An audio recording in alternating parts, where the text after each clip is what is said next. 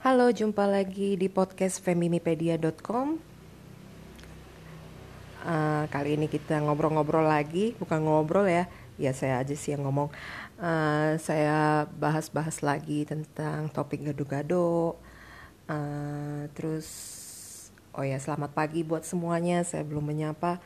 Selamat menikmati akhir pekan, khususnya untuk mereka yang bekerja kayaknya hari ini hari terakhir ya untuk libur. Minggu depan sepertinya sudah banyak beberapa kantor-kantor yang libur dan akan masuk lagi di tahun 2020.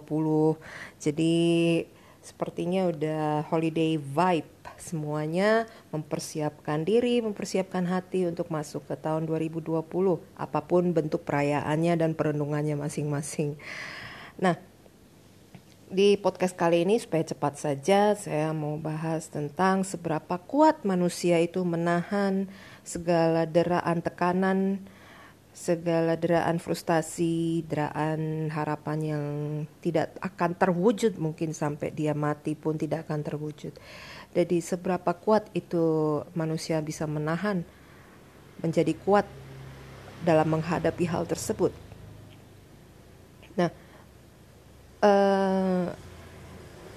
mungkin kalau kita bicarakan seberapa kuat ini juga tergantung dengan karakteristik personality dari masing-masing uh, personal. Terus juga pemahaman masing-masing terhadap what is life. Ya saya tidak bicarakan masalah kepercayaan karena kalau kepercayaan mengajarkan sesuatu pun sebenarnya kita tahu ya apa yang diajarkan tapi penerapannya itu seberapa besar penerimaan yang kita bisa hadapi itu sudah tergantung dari uh, perspektif masing-masing seberapa dalam seberapa dia menghargai kehidupan itu sendiri. Nah, kalau bicara seberapa kuat, mungkin ada yang merasa ya saya kuat-kuat saja ya, saya bisa menghadapi itu semua.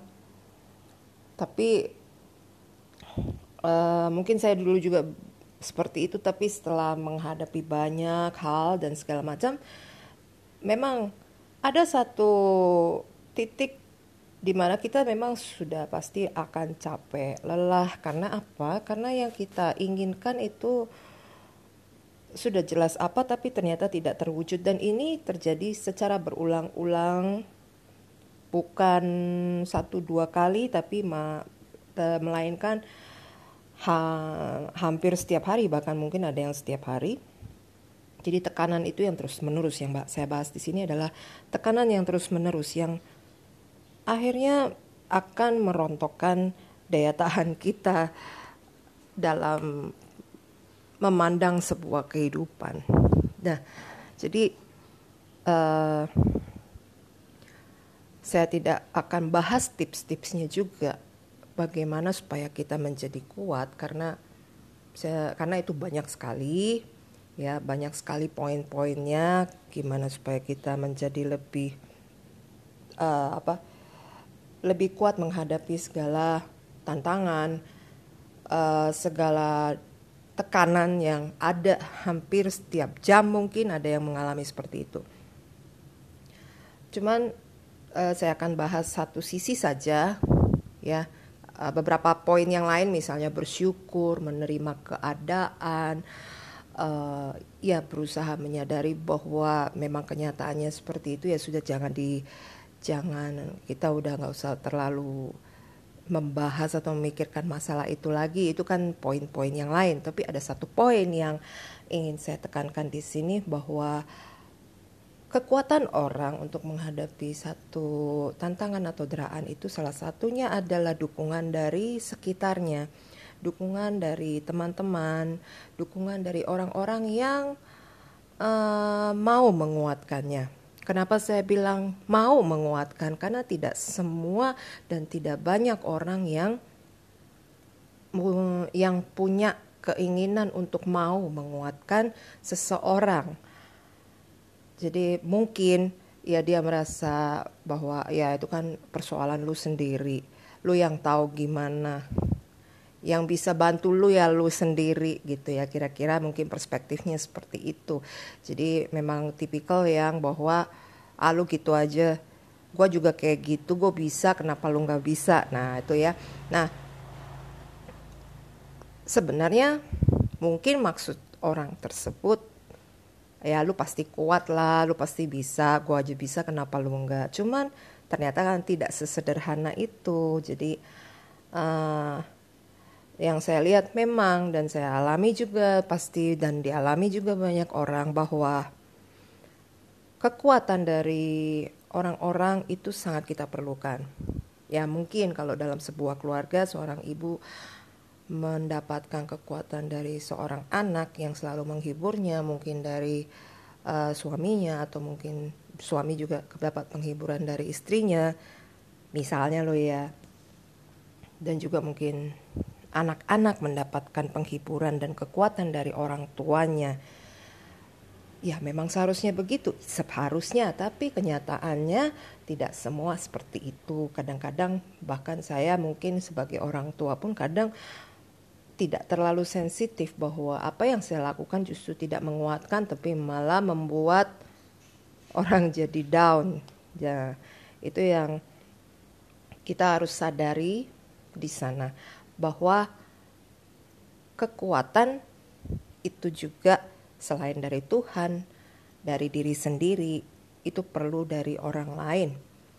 Nah, uh, kekuatan dari orang lain itu yang membuat saya berpikir bahwa itulah fungsi kita sebagai makhluk sosial bahwa kita punya juga tanggung jawab bukan untuk diri kita sendiri tapi kita juga punya tanggung jawab untuk berusaha menguatkan orang lain.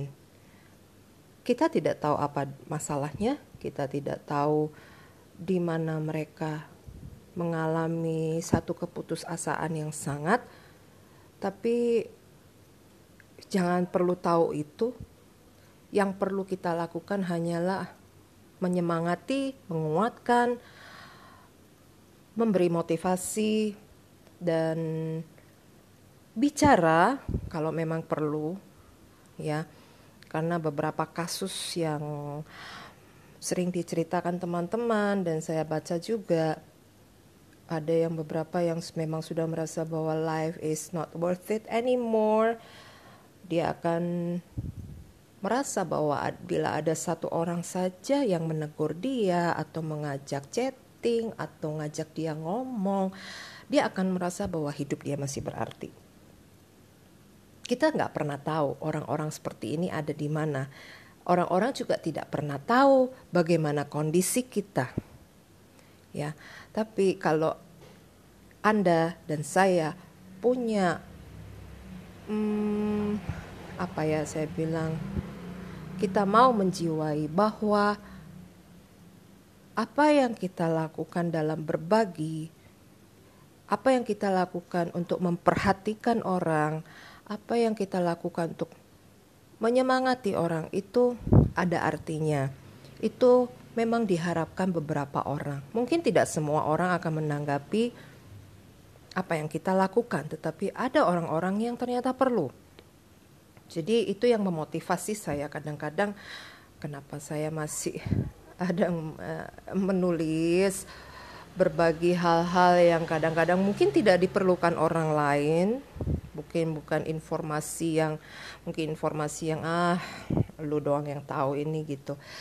Tapi uh, saya terus diingatkan bahwa kadang-kadang juga saya merasa apa maksudnya untuk menjadi orang yang peduli itu nggak gampang ya untuk menjadi orang yang mau berbagi itu tidak gampang. Berbagi dalam hal apa pun ya, ini bukan dari segi uang, tapi berbagi spiritual, berbagi motivasi, berbagi kekuatan, berbagi pembicaraan itu nggak mudah karena ya kita sendiri akan menjadi sasaran seperti orang aneh gitu.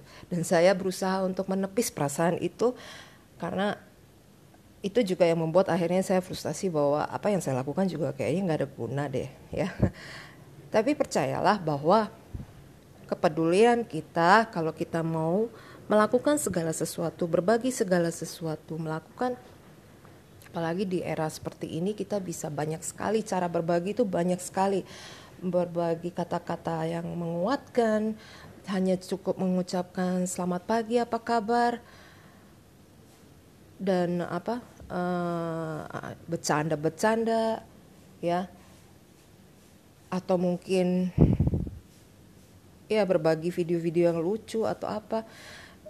Itu ada manfaatnya. Yang mungkin hanya satu dua orang yang merasakan. Tapi percayalah bahwa itu akan menguatkan beberapa orang yang perlu. Seperti saya juga kadang-kadang ya gimana ya? Memang beberapa informasi yang masuk ke kita kita lihat oh ada ada ya as ini udah nggak usah dibaca dulu ini enggak nih.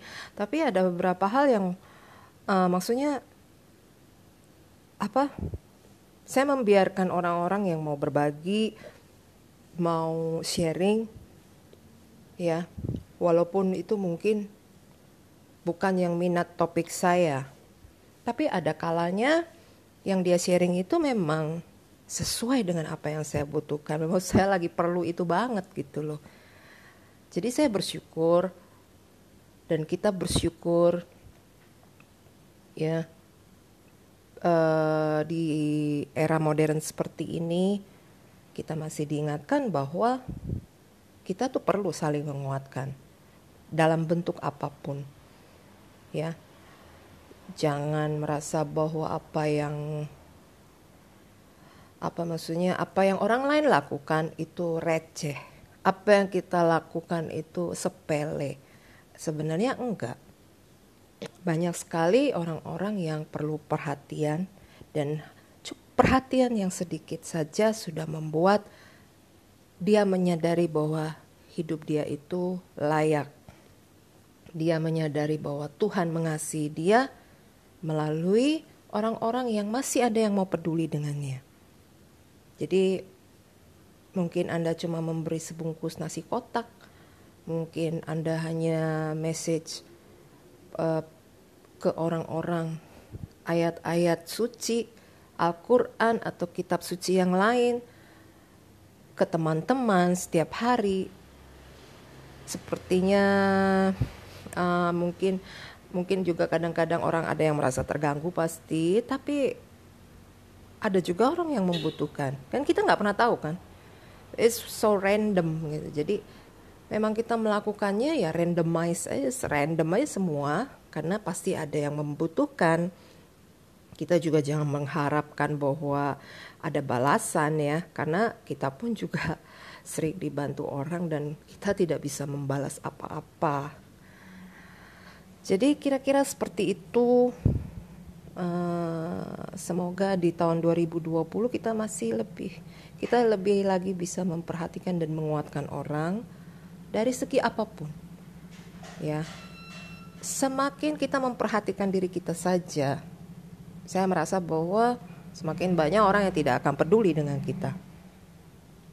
Tapi semakin kita mau menguatkan, berbagi, sekecil apa pun itu uh, mungkin yang tidak berarti juga buat orang receh tapi percayalah bahwa bahwa itu suatu hari juga ada orang yang uh, ada orang yang perlu ada orang yang merasa dikuatkan ada orang yang merasa diberkati dengan usaha saling peduli saling menguatkan satu sama lain. Dan lebih baik kita menjadi orang yang memang kelihatan peduli daripada kita kelihatan jadi orang yang cuek gitu. Ya. Semoga menjadi semangat yang baru buat kita. Terus kita berbagi, terus kita saling menguatkan dengan bentuk apa pun juga. Mau pakai tulisan kayak suara kayak makanan kayak uang atau apa pun. Uh, pasti Tuhan akan memberi kekuatan juga kepada kita dan juga kepada orang-orang yang perlu dikuatkan dan mereka akan menyadari kasih Tuhan dari orang-orang sekitar yang mau peduli. Itu saja. Terima kasih sudah mendengarkan. Selamat beraktivitas. Dadah.